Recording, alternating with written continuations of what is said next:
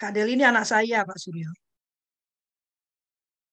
Oke, kita mulai ya sambil menunggu teman-teman yang lain hadir.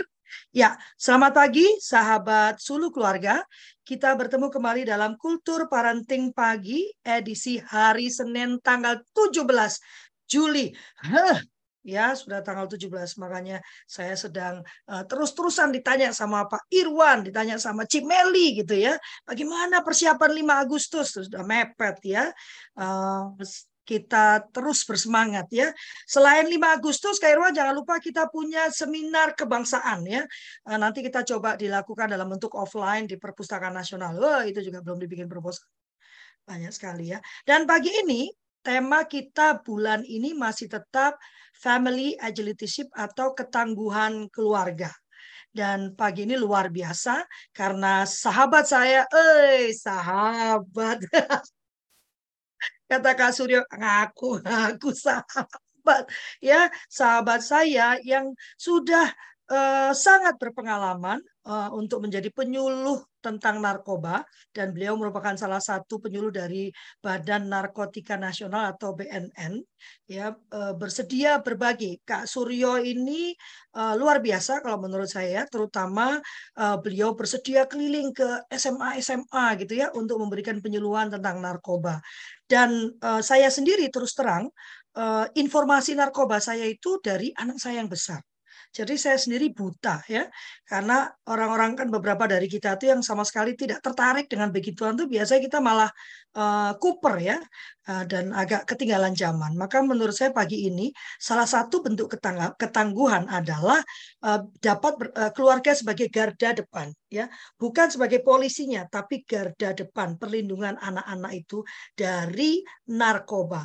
Dan salah satu tujuan utamanya ya tahu dulu dong gimana mau jadi garda depan kalau kita enggak ngerti apa-apa tentang narkotika. Bahkan kemarin sempat tersebar hoax ya di grup kita ya Kak Suryo saya sudah langsung uh, WhatsApp ke Kak Suryo menanyakan apakah ini benar dan ternyata terbukti itu adalah hoax ya. Jadi kita akan dengarkan Kak Suryo. Silakan Kak Suryo.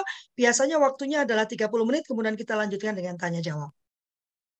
Baik, terima kasih Kak Lovely. Selamat pagi, salam hormat, salam kenal bagi kakak-kakak semua.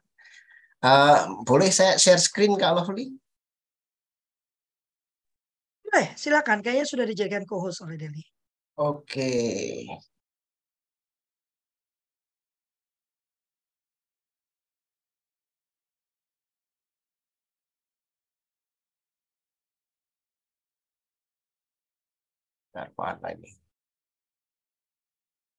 Oke, jadi pagi ini langsung aja karena waktunya sudah sangat singkat, kita akan bicara tentang family agility, ketangguhan keluarga. Kalau tadi disebutkan bahwa keluarga ada garda depan, izinkan saya Kak Lovely dan kakak-kakak sekalian, saya tambahin ter. Jadi keluarga itu sebenarnya adalah garda terdepan bagi apa? Perlindungan anak-anak kita, perlindungan setiap anggota keluarga, perlindungan dari siapa saja yang ada di rumah kita dari bahaya penyalahgunaan narkotika. Ya, jadi izin tambahin. Kalau hanya garda depan itu kan uh, bisa aja urutan kedua. Tapi kalau garda terdepan, maka keluargalah yang seharusnya menjadi benteng pertama, lapisan pertama perlindungan anak-anak kita ini biodata saya.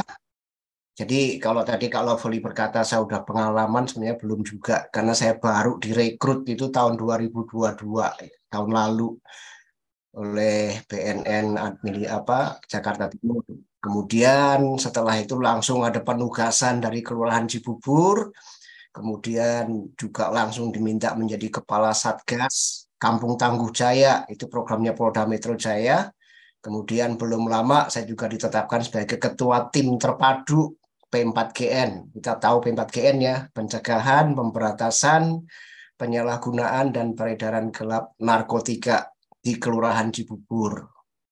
Dan hari ini nanti siang saya juga sudah diminta oleh beberapa sekolah untuk menyampaikan materi yang sama dari dalam rangka siswa-siswa baru.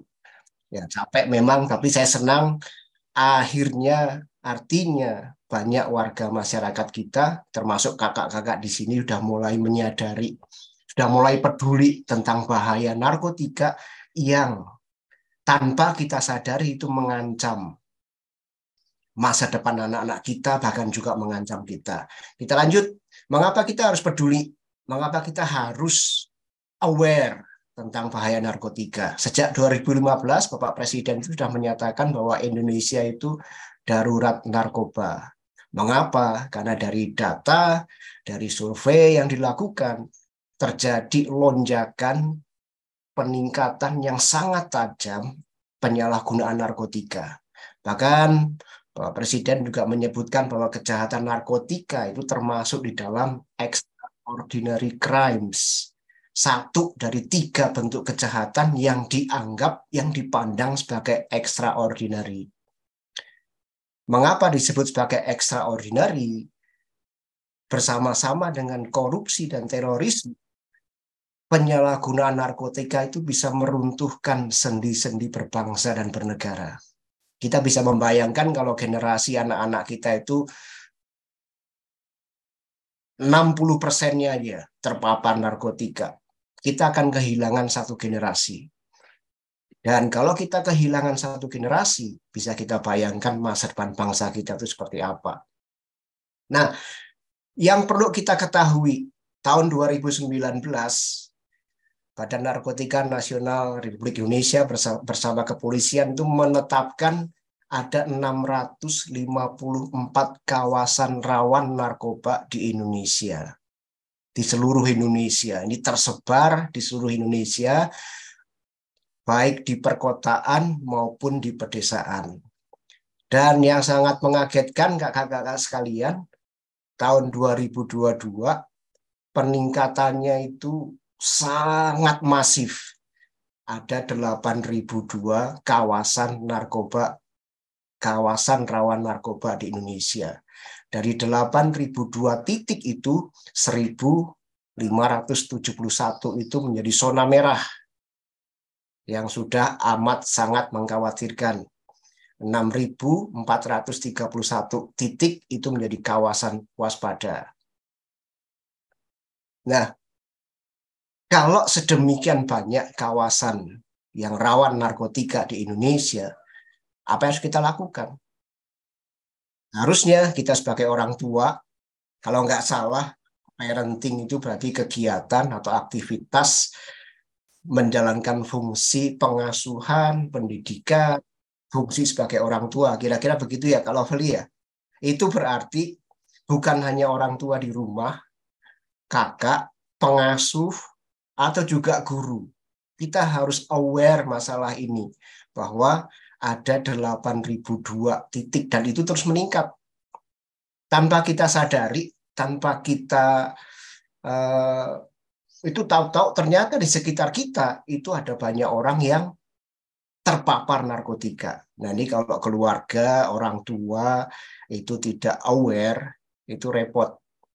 Karena kita bisa melihat, kita bisa ini bahwa sekarang pergaulan anak-anak kita itu sangat jauh berbeda dengan pergaulan kita di masa lalu. Ya. Gapnya terlalu besar antara generasi saya dengan generasi anak saya dengan generasi anak-anak yang sekarang ini. Jadi kalau kita sebagai orang tua tidak aware, sangat membahayakan. Baik, kita lanjut. Narkoba itu apa sih?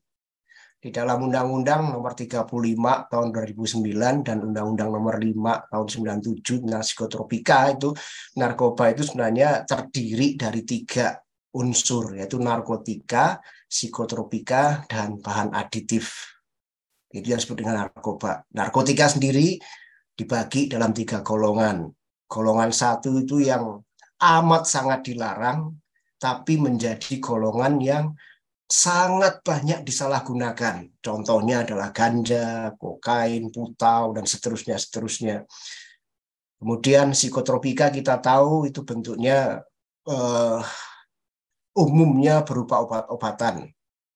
Yang menarik adalah dalam Undang-Undang 35 itu sabu-sabu itu masuk golongan satu. Golongan satu itu tidak boleh digunakan untuk alasan, alasan apa pun juga kecuali untuk kepentingan ilmu pengetahuan.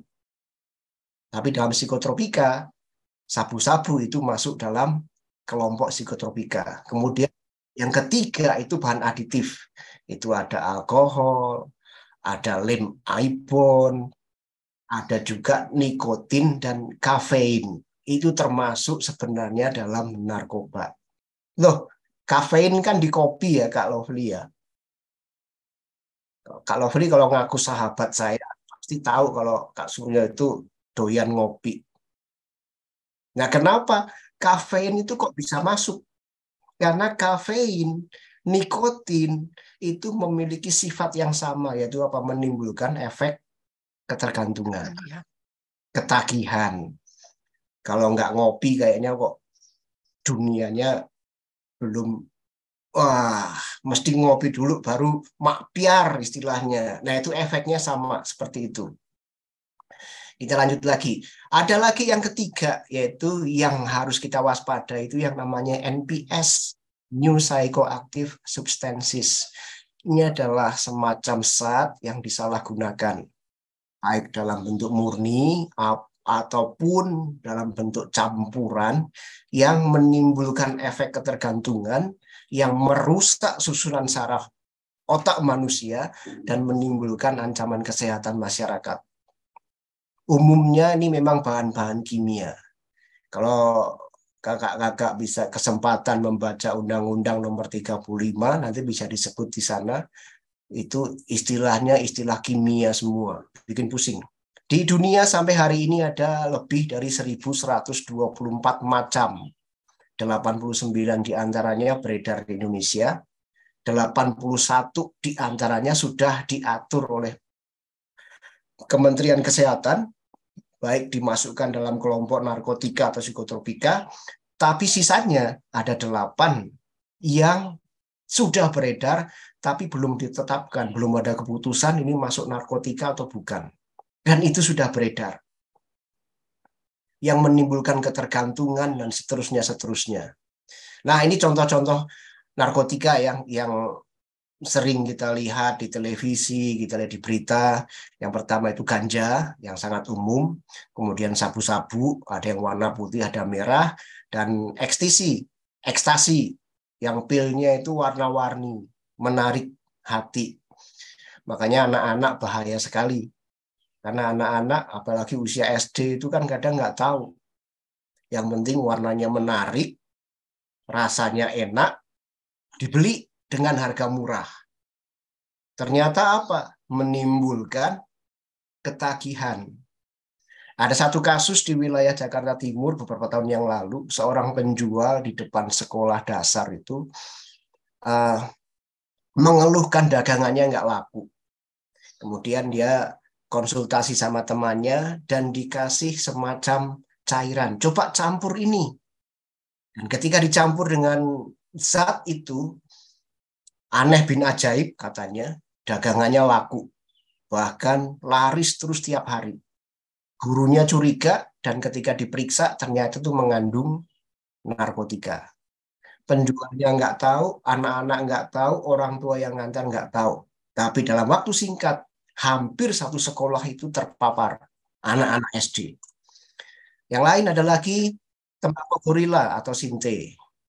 Ini juga yang paling banyak beredar di kalangan anak muda, pelajar, tembakau gorila. Dan LSD, LSD itu amat sangat mahal. Dan ini yang banyak menimpa artis-artis Indonesia itu ini.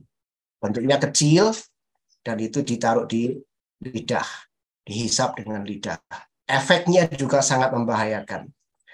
Tapi kemudian ada beberapa waktu belakangan ini yang juga menghiasi wajah-wajah berita di negeri kita itu beredarnya PCC. Yaitu apa? Singkatan dari paracetamol, karisoprodol, dan kafein. Ini pil ini sebenarnya adalah obat untuk penyakit jantung tetapi karena efeknya itu menimbulkan ketergantungan, jadi menimbulkan efek negatif lebih besar daripada terapinya, maka pemerintah sudah melarang penggunaan pil ini pada tahun 2013.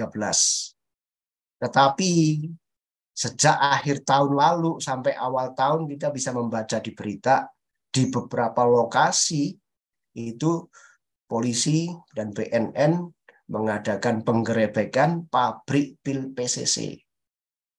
Di beberapa sekolah yang saya jumpai, disinyalir pil-pil ini beredar di kalangan anak-anak karena harganya sangat murah. 20 butir itu hanya 25.000. Dan efeknya sama seperti kelompok narkotika yang lain itu merusak susunan saraf otak dan menimbulkan halusinasi Bahkan orang yang sudah kecanduan itu cenderung untuk apa? Melukai diri sendiri.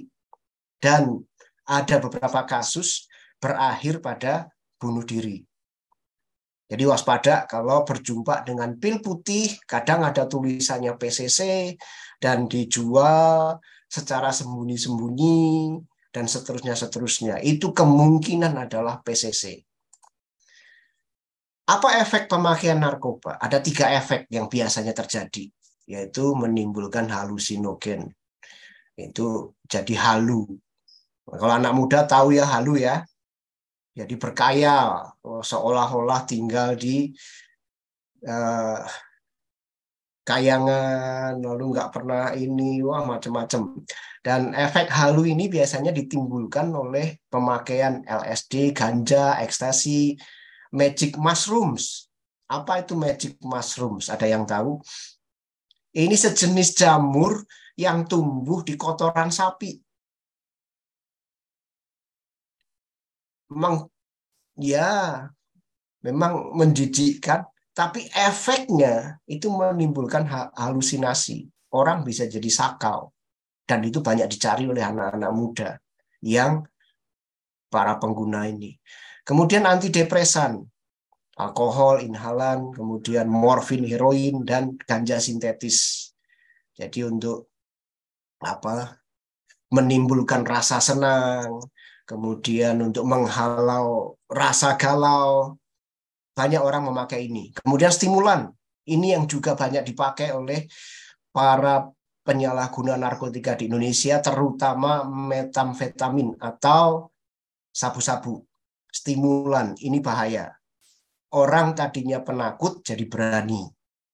Orang tadinya bekerja gampang capek, tiba-tiba seminggu nonstop nggak tidur-tidur. Dan metamfetamin ini yang menimbulkan stimulan ini sebenarnya bukan barang baru. Sudah dipakai sejak zaman Perang Dunia II. Dua belah pihak, tentara sekutu dan tentara Nazi Jerman itu menggunakan ini untuk apa? Mendorong para prajurit untuk bertempur habis-habisan tanpa mengenal efek lelah. Tapi tiga lima bulan kemudian ternyata dijumpai banyak dari para prajurit itu gila. Karena apa? Sarafnya rusak. Sarafnya rusak. Nah, mengapa banyak anak muda sekarang ini? Nanti akan saya tunjukkan bahwa uh, ada kecenderungan penyalahguna narkotika itu usia anak sekolah 15 sampai 24 tahun. Karena di usia-usia itu anak-anak kita itu sedang mencari jati diri, betul ya? Usia-usia SMP, kalau SMA itu yang saya perhatikan sudah mulai agak anteng, walaupun banyak juga yang masih tengil. Tapi di lingkungan saya yang sering dan selalu jadi masalah itu anak SMP. Sampai pusing kami ngurusinnya. Karena mengapa? Mereka masih mencari jati diri mereka. Dan kadang-kadang sayangnya mereka menemukan jati diri mereka itu di tempat yang salah, bersama orang yang salah. Menjadi anggota geng, menjadi pecandu narkotika, dan seterusnya seterusnya. Bahkan di beberapa uh, temuan di lapangan itu, beberapa anak itu ketika kami tangkap, kami amankan di kelurahan, kami bawa ke polsek, mereka bangga.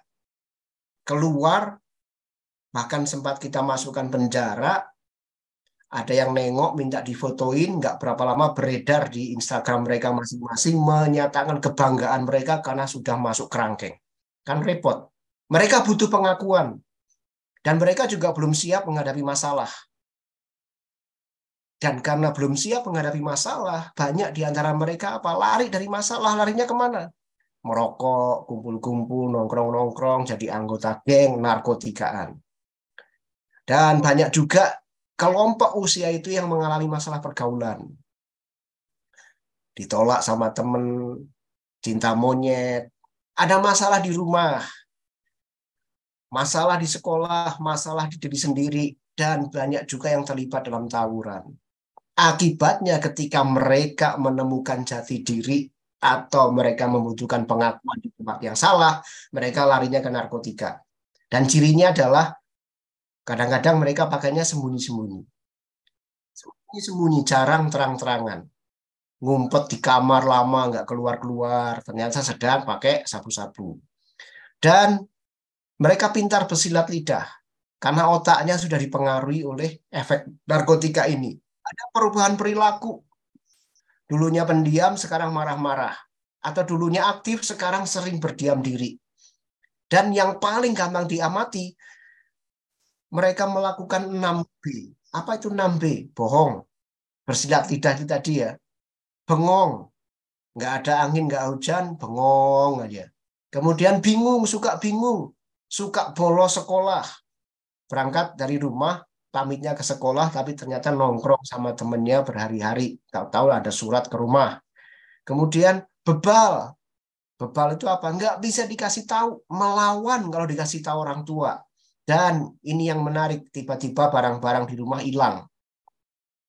Ada seorang ibu cerita ke saya, iya om, saya lagi nonton TV, tiba-tiba anak saya itu nggak tahu kenapa karpet atau digulung, diangkut, bawa keluar, dijual untuk beli sabu-sabu.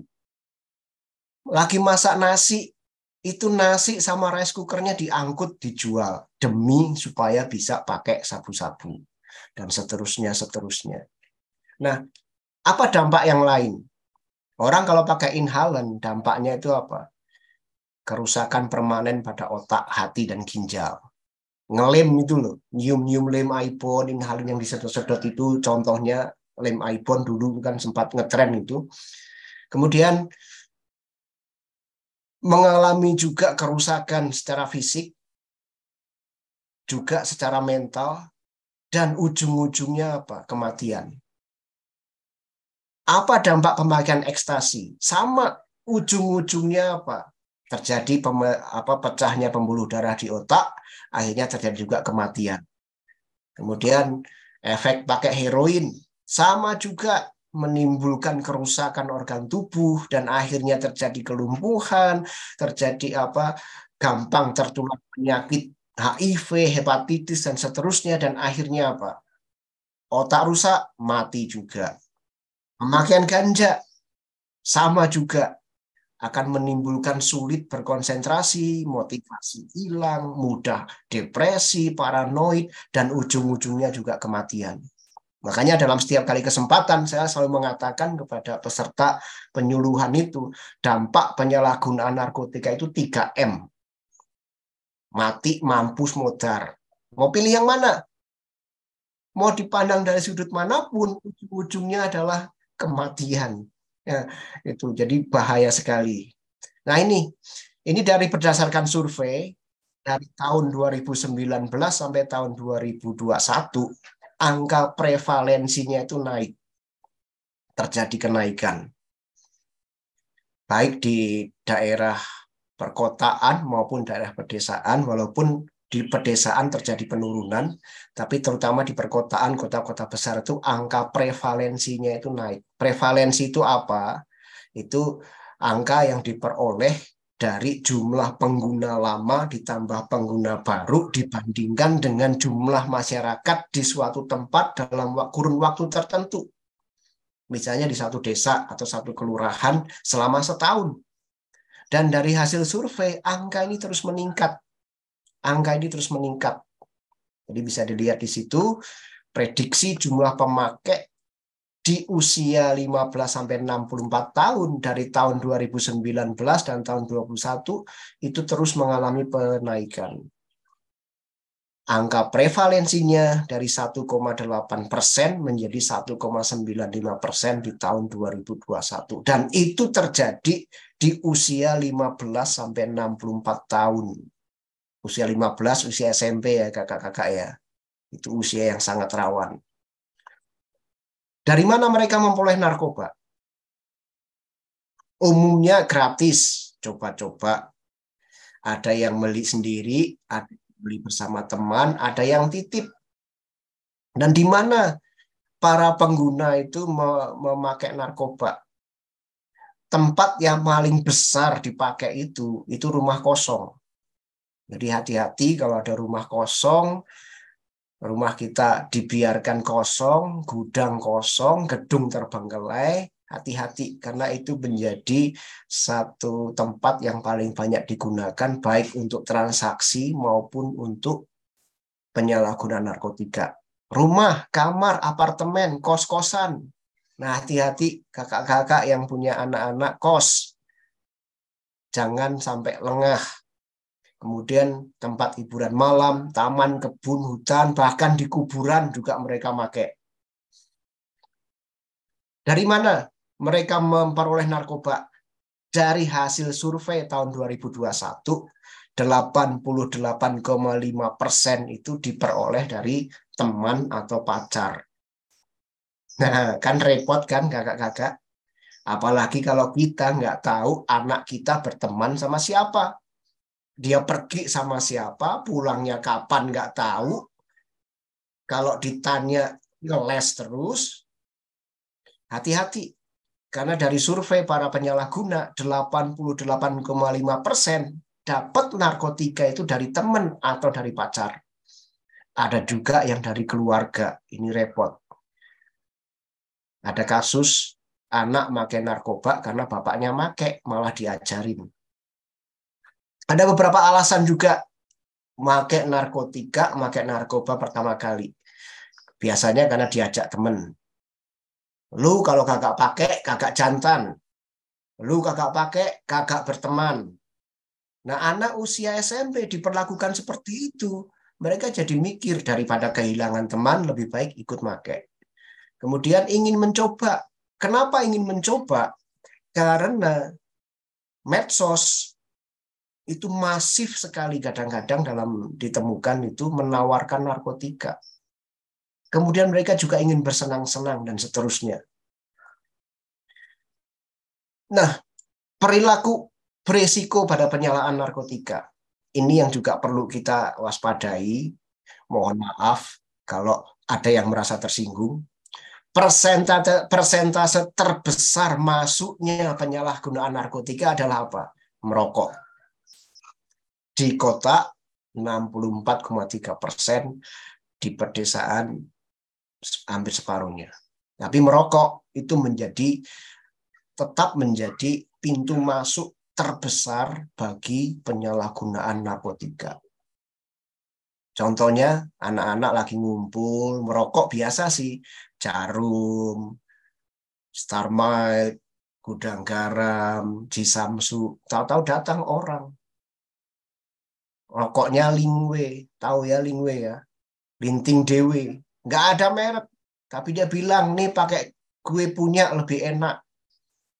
Coba deh. Waktu dicoba bener enak. Nggak taunya apa sinte. Jadi merokok tetap menjadi penyumbang pertama masuknya penyalahgunaan narkotika. Jadi mohon kakak-kakak, bapak, ibu yang punya anak bijak sedikit lah. Kalau sudah menjumpai anak-anak kita merokok. Lalu yang kedua itu alkohol. Dan yang ketiga nongkrong. Nongkrong tiap malam di rumah sampai pagi ini juga membahayakan. Jadi kalau ada anak-anak kita yang nongkrong di rumah, hanya ada dua kemungkinan, pelaku atau korban. Hanya itu aja. Jadi lebih baik jam 9 pulang. Jam 9 pulang. Nah ini, ini adalah wajah yang sering kita jumpai anak seragam merah itu ketahuan ya SD SD merokok dan ini yang foto ini yang sempat viral ada pertemuan Katanya sih dalam rangka Idul Fitri, anak-anak kecil merokok. Ini repot kakak-kakak sekalian. Dan dari hasil riset kesehatan dasar, angka prevalensi merokok pada remaja itu terus meningkat. 2013 7,2 persen, 2016 itu 8,8 persen, 2018 meningkat menjadi 9,1 persen. Targetnya 5,4 persen, tapi nggak tercapai. Repot. Jadi merokok sebenarnya bom waktu bagi anak-anak kita. Bagi anak-anak kita. Dari data Kemenkes, diperoleh data bahwa setiap dua dari lima anak merokok usia 10 sampai 15 tahun. Jadi kalau anak-anak kita bergaul sama anak-anak yang merokok, lebih baik kakak-kakak kita kasih tahu baik-baik. Tiga dari lima perokok pasif. Nah, mengapa ini perlu kita waspadai? Sekali lagi, bukan saja penyakit yang bisa ditimbulkan karena rokok, tetapi juga karena apa peluang masuknya narkotika itu sangat besar melalui rokok. Nah, ini yang juga penting juga. Dari banyak kasus yang terjadi, contohnya, banyak dijumpai bahwa mayoritas pecandu narkotika di kalangan anak muda itu karena broken home. Karena orang tuanya nggak peduli, karena tidak ada keharmonisan dalam rumah tangga, karena ada masalah-masalah dalam rumah tangga, perceraian, dan seterusnya, seterusnya. Jadi kalau kakak-kakak browsing di berita, banyak kita jumpai mayoritas pecandu, pengedar, itu karena apa? Broken home. Sampai sekarang. Hampir setiap minggu saya juga menjumpai kasus yang sama. Tawuran, anak-anak bawa celurit, itu kalau ditanya siapa bapakmu, siapa mamamu, kadang jawabannya aneh-aneh. Ketika kita jumpai rumahnya, ternyata keluarganya nggak harmonis.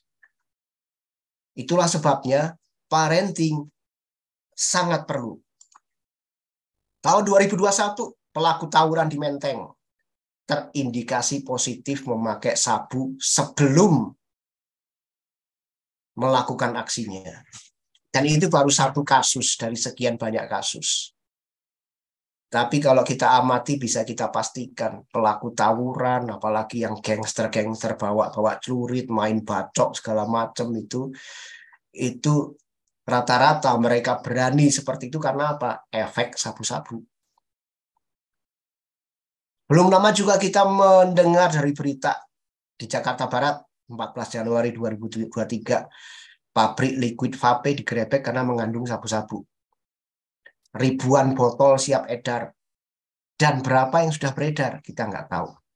Dan tren anak muda sekarang ini katanya lebih lebih apa namanya lebih keren kalau ngerokok vape. Bapak Ibu bisa bayangkan, kakak-kakak bisa bayangkan kalau liquidnya itu udah udah dicampuri bahaya. Kemudian, oke, kita masuk di sini. Mengapa kita harus waspada? Karena ada efek hukum yang diterapkan bagi para penyalahguna narkotika berupa denda dari 600 ribu rupiah sampai 10 miliar rupiah. Ya, kalau anak kita kena dan kita denda 10 miliar rupiah, apa nggak puyeng bapak mamanya kan? Juga pidana kurungan tiga tahun sampai seumur hidup dan termasuk pidana mati. Itu aturannya. 37 pasal itu mengatur. Silakan baca di sana. Dan yang harus kita ketahui adalah dua pasal di antaranya itu menyangkut orang tua, menyangkut parents, menyangkut wali. Pasal 128. Orang tua atau wali dari pecandu yang belum cukup umur yang dengan sengaja tidak melapor, nah, disebutkan di sini, dipidana dengan pidana kurungan paling lama enam bulan atau denda satu juta. Kan nggak lucu kan? Orang tua karena ingin melindungi anaknya, nggak sengaja nggak mau lapor. Orang tuanya kena juga. Juga pasal 131. Setiap orang yang dengan sengaja tidak melapor melakukan tindak pidana yang berderet-deret itu bisa dipidana satu tahun atau denda 50 juta rupiah.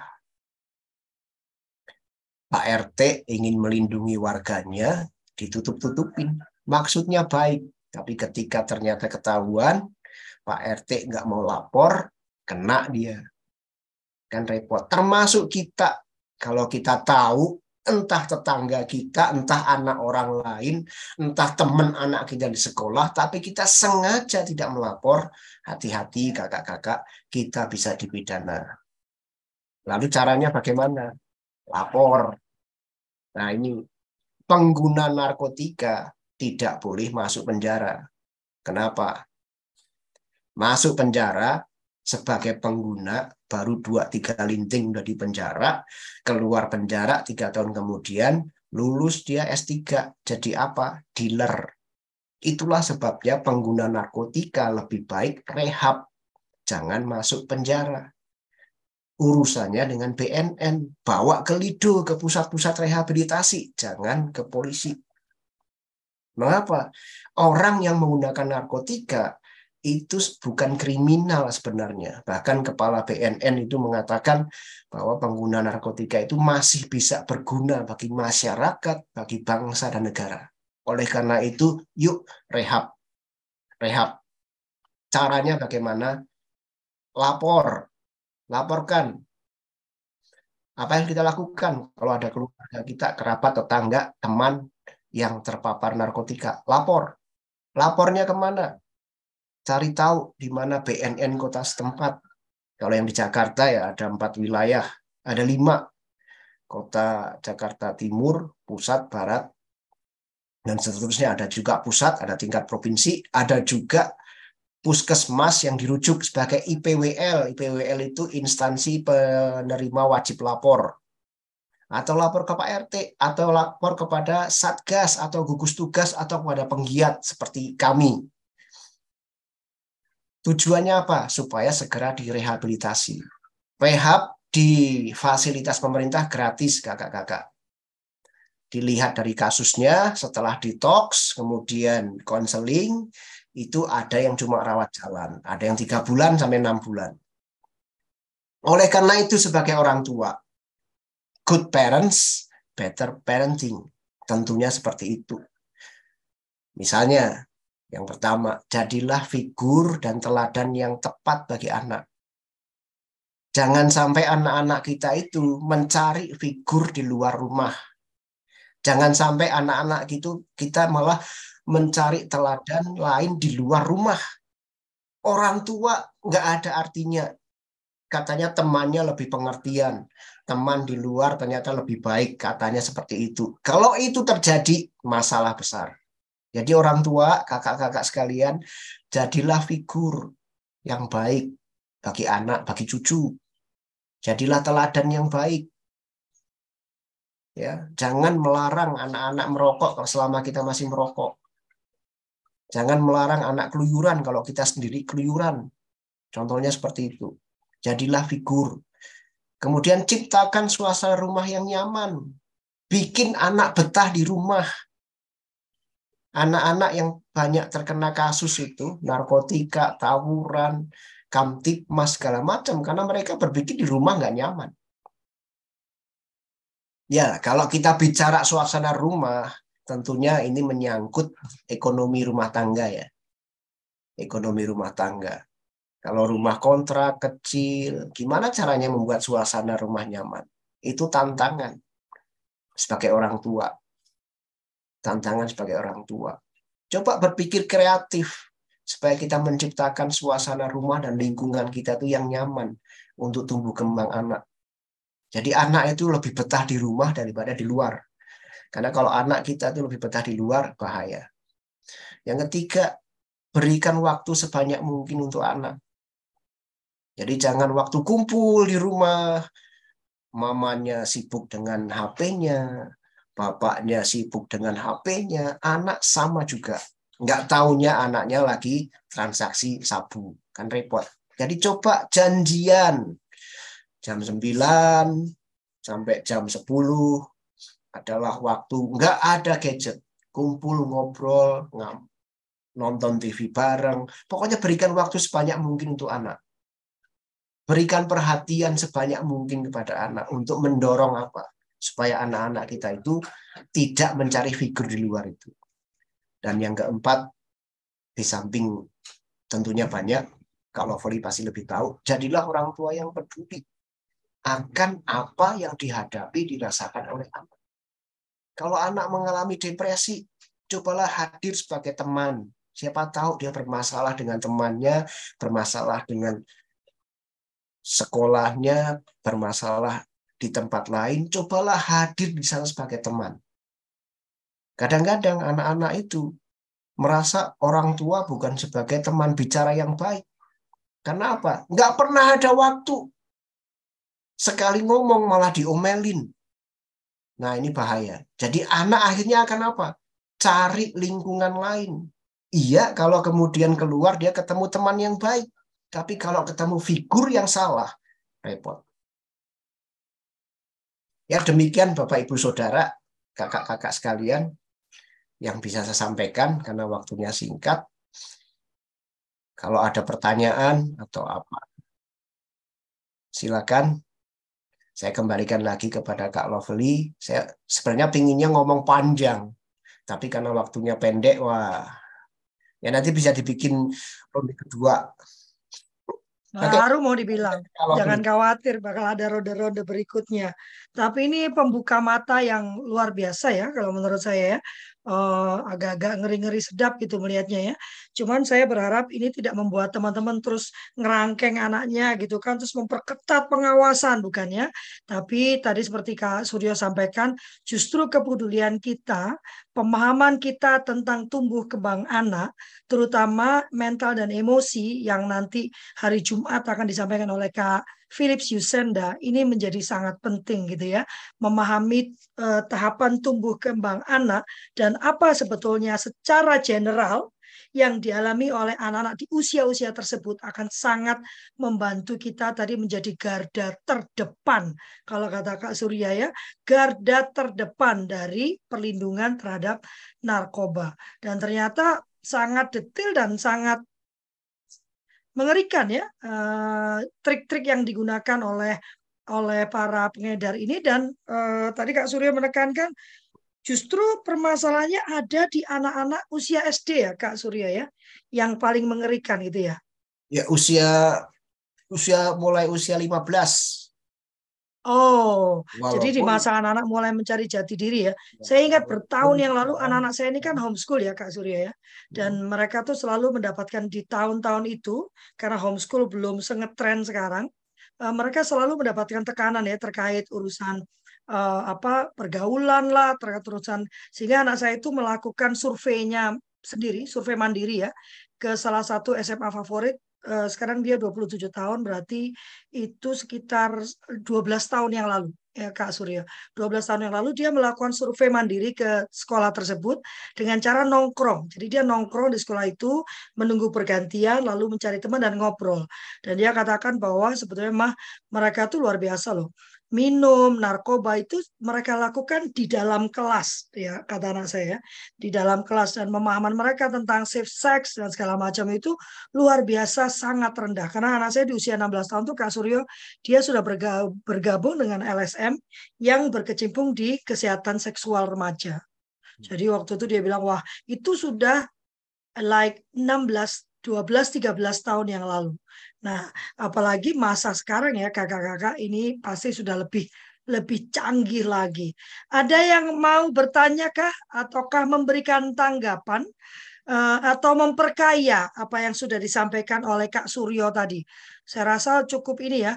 Memang yang saya minta wake up call ya, yang saya minta ke Kak Suryo itu wake up call ya mari bangun para orang tua anak-anak kita ini di luar terancam Jangan sampai dia justru terancam di dalam. Ya, eh, jangan sampai dia terancam di dalam. Silakan Kak Daniel. Selamat pagi, terima kasih Kak Lovely. Saya mohon maaf untuk off cam. Ini belum siap nih. Uh, gini Pak, siapa Pak Pak Suryo ya? Um, Saya ingin menanyakan bentuk-bentuk baru narkoba yang sekarang terjadi gitu. Apa saja itu yang uh, mereka berubah bentuk ya. Jadi merubah bentuk yang menarik-menarik itu apa saja?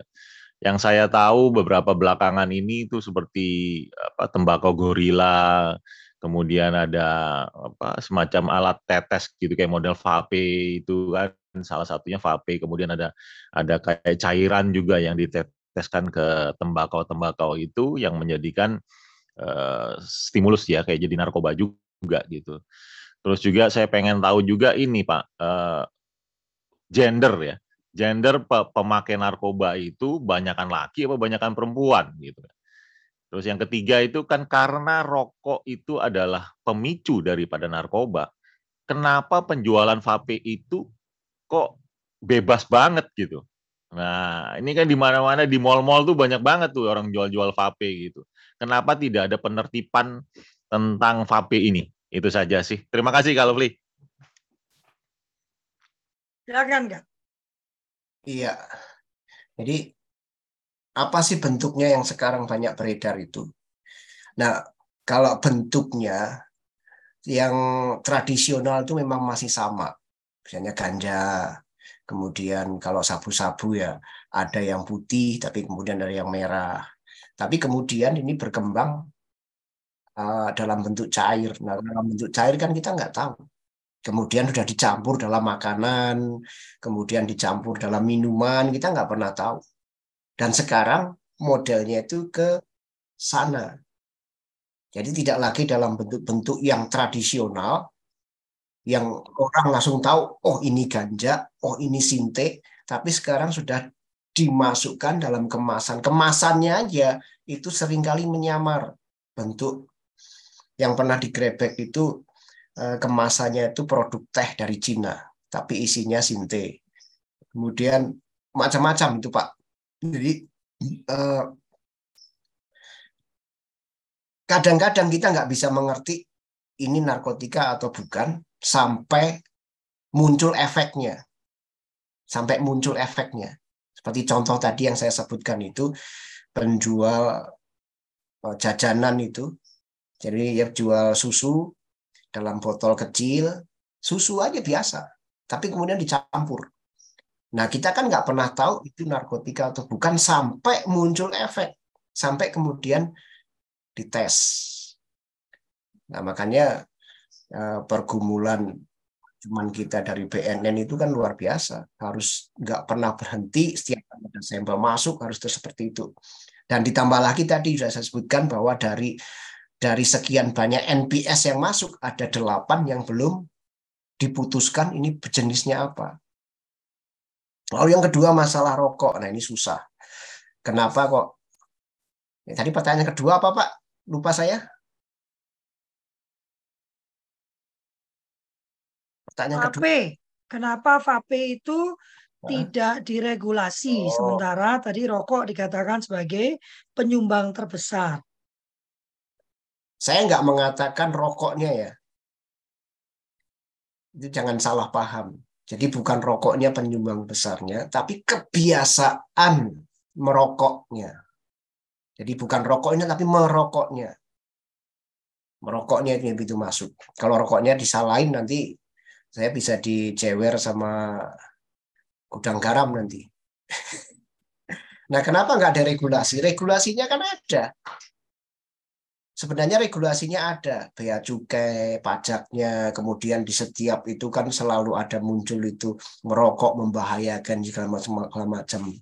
Tapi itu sekali lagi, ini masalah kesadaran kita masalah kesadaran. Jadi sebenarnya pertanyaannya bukan pada masalah kenapa nggak ada regulasi, tapi kesadaran mindset kita, mindset kita. Sebagai contoh yang paling nyata nih di Jakarta, terutama di kota besar, ketika ada tanda larangan parkir, justru di situ banyak motor, mobil parkir, betul nggak? Ketika disebutkan merokok itu membahayakan kesehatan, justru banyak orang yang merokok Kenapa? Mindset. Padahal sudah ditulis kan tiap kali kita beli rokok itu gambarnya yang tenggorokan bolong, paru-paru hitam. Tapi kenapa kita tetap dibeli? Karena mindset kita. Vape, kenapa? Karena ada yang selalu mengatakan bahwa kalau vape itu lebih keren daripada rokok tradisional. Akhirnya apa? Kalau saya nggak pakai vape, kok nggak kayak teman-teman, kok nggak keren ya? Sekali lagi itu masalah mindset. Regulasinya udah ada, regulasinya ada. Tergantung bagaimana kita menyikapinya. Saya rasa itu, Pak. Baik, terima kasih Pak uh, Kak Suryo. Ini satu lagi, tadi uh, gender Pak. Oh ya, iya. Kan, uh, ya tadi saya masalah gender itu laki-laki atau perempuan ya, nih, ya. pengguna narkoba karena kan kebanyakan laki-laki ya yang yang merokok ya yang melakukan bullying, melakukan kekerasan itu kan banyak laki-laki. Jadi saya pikir apa dari dari hasil penelusuran nih dalam narkoba eh, apakah yang banyak laki? Ya. Apakah banyak? Dari hasil survei terjadi peningkatan pengguna wanita. Nah ini, jadi memang persentasenya no, wow. masih lebih besar uh, pengguna pria, tapi dari hasil survei itu terjadi peningkatan persentase penyalahguna wanita, baik di kota maupun di pedesaan. Jadi ternyata emak-emaknya itu juga kadang-kadang seperti itu. Itu. Hmm. Baik, baik, baik. Siap. Ya, Kak Dani nanti ke kakak ini ada saya bacakan yang di ini dulu ya. Uh, saya mau ke Kak Redemptus dulu ya izin bertanya mengenai rokok. Dalam suatu seminar kesehatan, bila anak usia di bawah 18 tahun mulai merokok, maka dia lebih bergantung pada rokok seumur hidup dibanding anak dewasa di atas dibanding dewasa di atas 18 tahun. Makanya pabrik rokok melakukan iklan untuk anak-anak muda. Ya, ini kegerakan sepanjang uh, hayat ya, Kak Redemptus, Lembaga Perlindungan Anak Indonesia itu selalu men mengkampanyekan anti rokok dan pergerakan iklan rokok sudah sangat dibatasi. Tapi seperti tadi kata Kak Suryo, ini kembali kepada kita sendiri ya. Kita teriak-teriak tentang iklan rokok, coba kita berkaca pada diri kita sendiri, seberapa keren kita merasa kalau kita sendiri juga merokok ya. Eh, selama para guru, para ayah, para ibu, karena sekarang di mall tuh saya makin banyak melihat ya tingkat uh, tingkat apa jumlah perempuan yang juga merokok ya. Uh, maka kecil harapan kita anak-anak kita menjauhi rokok ya. Balik lagi ke kita ya. Jangan nyalain anak terus ya. Ayo kitanya ini loh harus berubah. Kak Dani silakan. Nanti Kak Evi uh, akan saya bacakan ya Kak Evi karena kita sama sama-sama ibu tunggal. Silakan Kak Dani. Ya eh, uh, makasih Kak Lufli makasih Kak Suryo. Uh, cukup kaget ya dengan apa yang tadi dipaparkan uh, karena 50 tahun, uh, usia saya kebetulan 50 tahun tuh, saya baru tahu tuh semua itu gitu. Saya nggak pernah ngerti, nggak pernah tahu, dan saya bayangkan gitu ya. Uh, saya yang tinggal di istilah itu dekat sama ibu kota ya di Tangerang ini nggak ngerti begituan gitu. Apalagi yang di maaf fakta maksudnya yang di di daerah-daerah, wah lebih nggak tahu lagi gitu. Dan apalagi tadi jangankan yang 89 yang dikatakan udah 81 itu Nah, yang yang dasar-dasarnya saya nggak tahu gitu, bentuknya juga nggak tahu, namanya juga nggak ngerti. Jadi, aduh sayang sekali ya, maksudnya kalau seandainya, karena kalau nggak tahu udah pasti hampir kemungkinan terpaparnya sangat besar, gitu. Karena yang tahu aja bisa terpapar, apalagi yang nggak nggak tahu gitu. Dan jadi saya pikir, aduh seandainya ini, itu harusnya semua keluarga itu tahu semuanya gitu untuk memproteksinya dia harus tahu dulu kalau nggak tahu bagaimana bisa memproteksi diri dari orang apa eh, benda-benda ini gitu. Nah orang tuanya ya harus tahu dulu sebelum anak-anaknya gitu. Jadi saya juga kalau bilang eh, satu sisi saya sangat terima kasih kepada Pak Suryo gitu. Eh, hanya berpikir aja bagaimana ya supaya semua semua keluarga ini bisa tahu bahwa ini tuh benda yang nggak boleh disentuh sama anak-anaknya gitu karena kalau nggak akan di, di satu sisi memang betul uh, tanggung jawab kita semua lah ya. Saya setuju juga yang terakhir itu bahwa uh, semua terpulang daripada kita keluarga. Kalau kita uh, dekat, kita bisa uh, punya keluarga yang harmonis, itu akan memprotek banyak sekali akan itu. Tapi untuk pengetahuan ini juga kayaknya sangat perlu untuk pada tahu deh gitu. Ini benda-benda yang tidak boleh disentuh sama sama anak-anak itu baik orang tuanya maupun anaknya. Tapi terima kasih sekali kasih luar biasa sekali hari ini. Thank you. Ya, uh, Nah itu itu memang salah satu kendala terbesar yang dihadapi oleh oleh kita semua. ketidaktahuan kita. Nah, saya pernah juga menjumpai seorang ibu itu yang berkata begini, iya om, saya pernah menjumpai itu di bungkus-bungkus plastik gitu. Saya nonton di TV itu katanya narkoba. Tapi waktu saya tanya anak saya, itu katanya garam. Ya saya nurut aja sama anak. Karena nggak tahu. Nah oleh karena itu, coba kakak-kakak di lingkungan masing-masing dah. RT, RW, cari info. Jika perlu, mengadakan kegiatan, kumpulkan warga, panggil BNN. BNN itu siap sebenarnya. Yang di Jakarta nanti dengan BNN Jakarta, yang di daerah, yang di Pekanbaru itu ada, kemudian yang di itu ada. Panggil aja. Jangan menunggu mereka turun. Tapi masyarakat itu kalau dalam Undang-Undang 35 itu punya wewenang untuk apa? Mengambil inisiatif mengadakan sosialisasi. Dan sebenarnya masalah sosialisasi ini itu menjadi program yang sedang digencarkan oleh pemerintah. Gitu. Jadi gitu Kak Dani ya. Kak Dani tinggalnya di mana? Daerah Tangerang. Ya, Tangsel, Tangsel. Tangsel. Bisa misalnya pertemuan warga masukkan materi narkotika. Supaya apa? Tetangga kita, lingkungan kita juga tahu, paham, dan akhirnya peduli. Karena yang ya itu tadi betul, kita nggak bisa menjaga keluarga kita kalau kita nggak tahu. Nanti anak bilang atau temannya bilang ini garam tante, kita percaya aja. Padahal ternyata apa? Sabu-sabu. Itu. Terima kasih kak. Ya siap. Ada tadi mengerjit mengerjit agak-agak ngeri-ngeri gimana gitu perutku sakit ya. Kak Evi ini bertanya ya, bagaimana bila anak dibesarkan oleh orang tua tunggal atau single parent yang harus bekerja di luar rumah pagi sampai malam dan support sistem keluarga besar tidak dapat diharapkan. Wah, saya banget Kak. Pos. Silakan Kak Suryo. Ah, kalau untuk Kak Evi ini mestinya diskusi sama Kak Lovely. Mm -mm yang lebih tahu itu Kak Lovely pasti.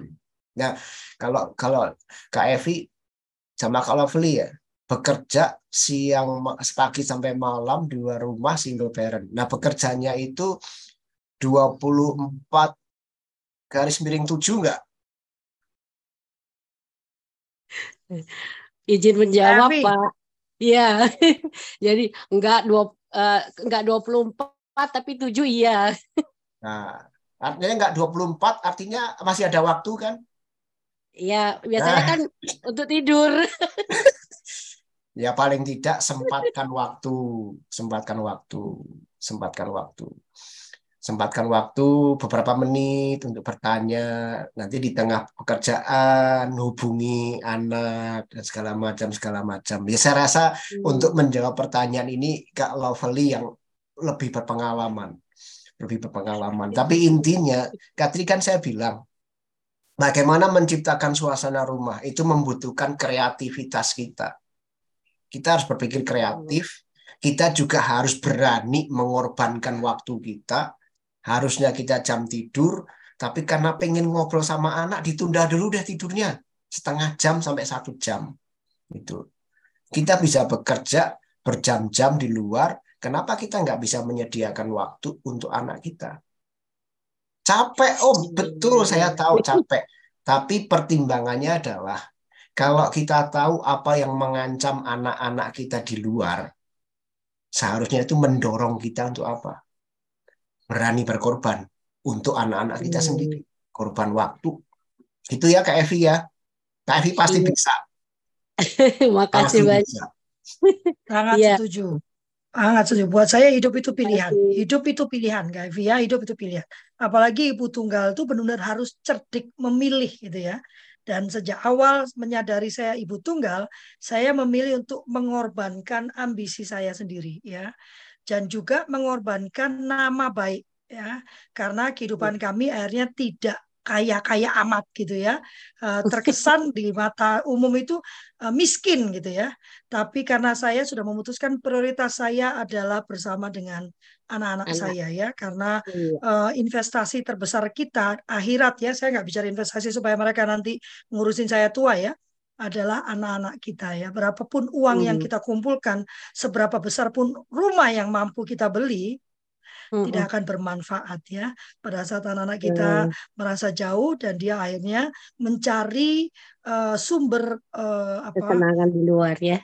Yes, frustrasinya dia tumpahkan di luar karena hidup anak-anak kita itu berat, terutama anak-anak yang mengalami kegagalan ya. Maksudnya hmm. uh, saya terutama ya, saya kan bercerai ya. hmm. ya. Jadi kan saya yang gagal hmm. tapi anak-anak yang mengalami dampaknya.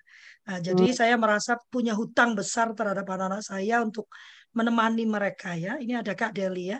Harusnya Kak Deli ini sesekali suruh cerita bagaimana Kak Deli bisa memulihkan diri ya dari kegagalan ibunya dalam mhm. berumah tangga. Maksudnya jangan semua semuanya gagal nggak gitu-gitu amat juga saya ya.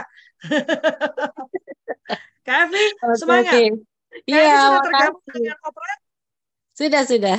Makasih nah. banyak ya, Kak. Iya. Mari kita bergabung dalam Operet. Terima kasih Kak Evi. Semangat ya Kak Evi.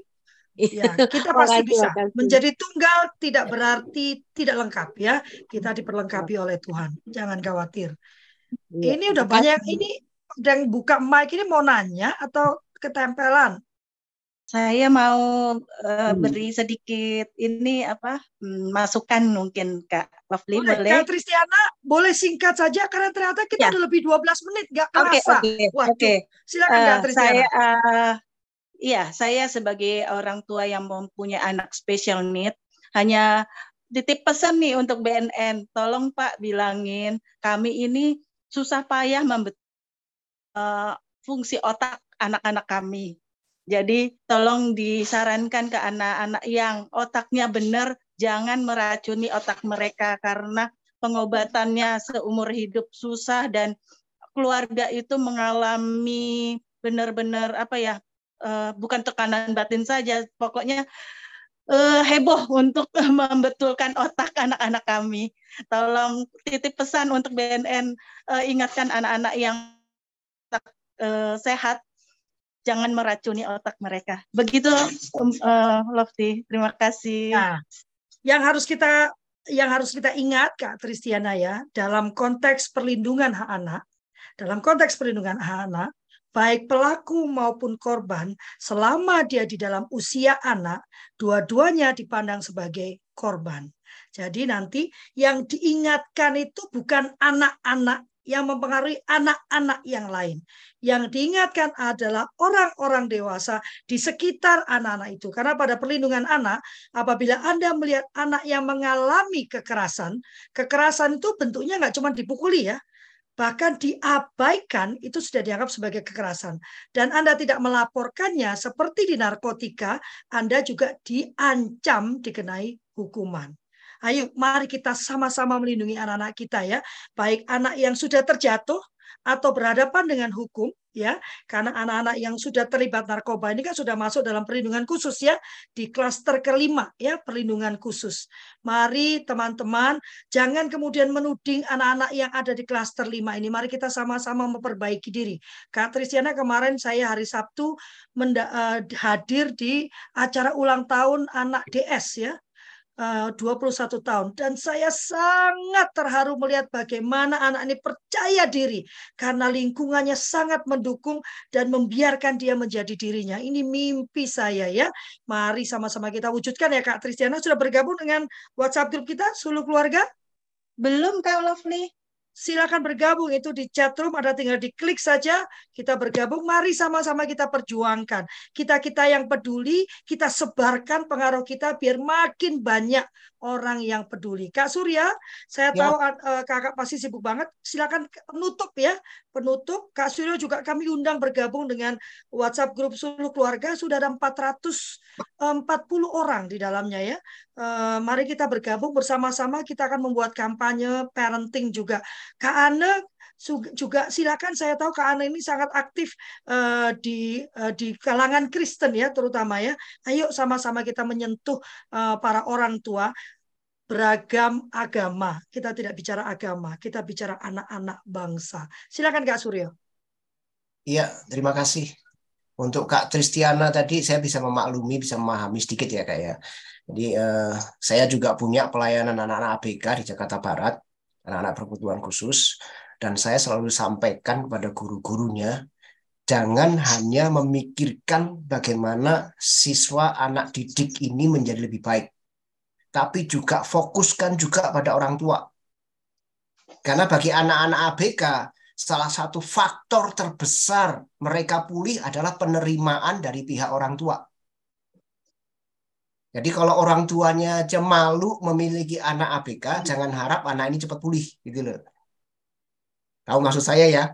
Jadi tetap sekali lagi kasus apa pun, masalah apa pun, baik narkotika, kenakalan remaja, kemudian kasus tadi apa Kak Tris ini masalah anak ABK yang yang apa diracuni oleh yang lain. Sekali lagi itu kembali ke keluarga kita masing-masing. Bagaimana kita menerima anak-anak kita apa adanya, bagaimana kita bisa hadir bagaimana bagi mereka, bagaimana kita bisa menciptakan suasana yang nyaman di rumah bagi anak-anak kita. Karena sekali lagi masalah apa pun, tantangan apa pun yang terjadi yang dialami oleh anak-anak kita, bentengnya adalah kita di rumah. Baik sebagai keluarga utuh baik sebagai single parent maupun apa pun juga rumah itu adalah benteng garda terdepan bagi anak-anak kita. Itu aja Kak Lovely. Luar biasa. Baik single parent maupun double parent kan itu. Bukan double parent, ganda campuran. Iya.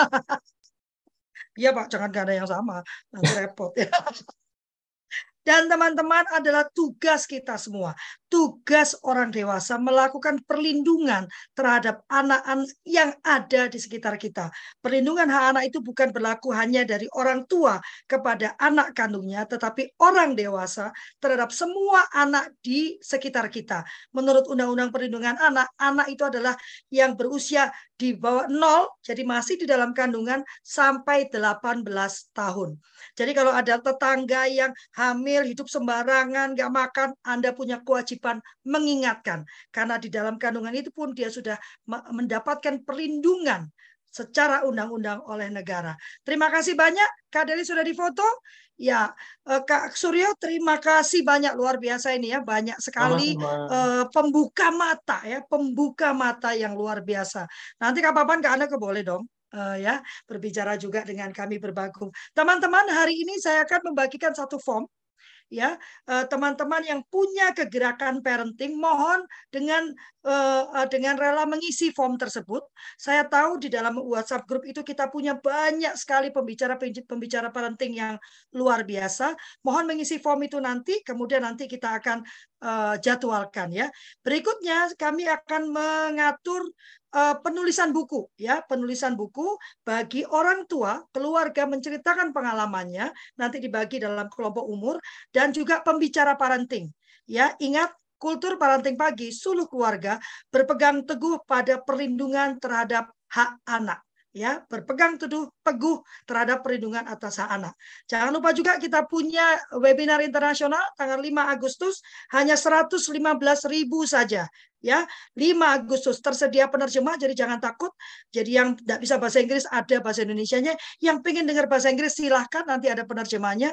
5 Agustus ada 1, 2, 3, 4, 9 pembicara 9 atau 10 pembicara saya lupa. 10 pembicara satu harian dari jam setengah 9 sampai jam 4 sore ya. 115 ribu rupiah. Anda mendapatkan pembicara luar biasa. Kita bicara tentang uh, membangun uh, agility agility keluarga menuju Indonesia tangguh keluarga menjadi fokus utama. Terima kasih atas kehadirannya. Kami memohon maaf yang sebesar-besarnya apabila ada pernyataan, sikap, gestur yang kurang berkenan. Kami tidak ingin memojokkan, tidak ingin merendahkan, tidak ingin menghakimi, bahkan juga bukan mau menggurui. Kami hanya ingin membagikan apa yang kami yakini dan kami usahakan benar kami kerjakan dalam kehidupan kami sehari-hari. Terima kasih. Wassalamualaikum warahmatullahi wabarakatuh. Tuhan memberkati. Sampai ketemu. Terima kasih Kak Suryo. Sampai ketemu semua. Terima kasih Kak Suryo. Terima kasih. Oh ya, jangan lupa sampaikan selamat ulang tahun ke Cik Meli di grup ya. Cik Meli ulang tahun hari ini. Oke, saya pamit.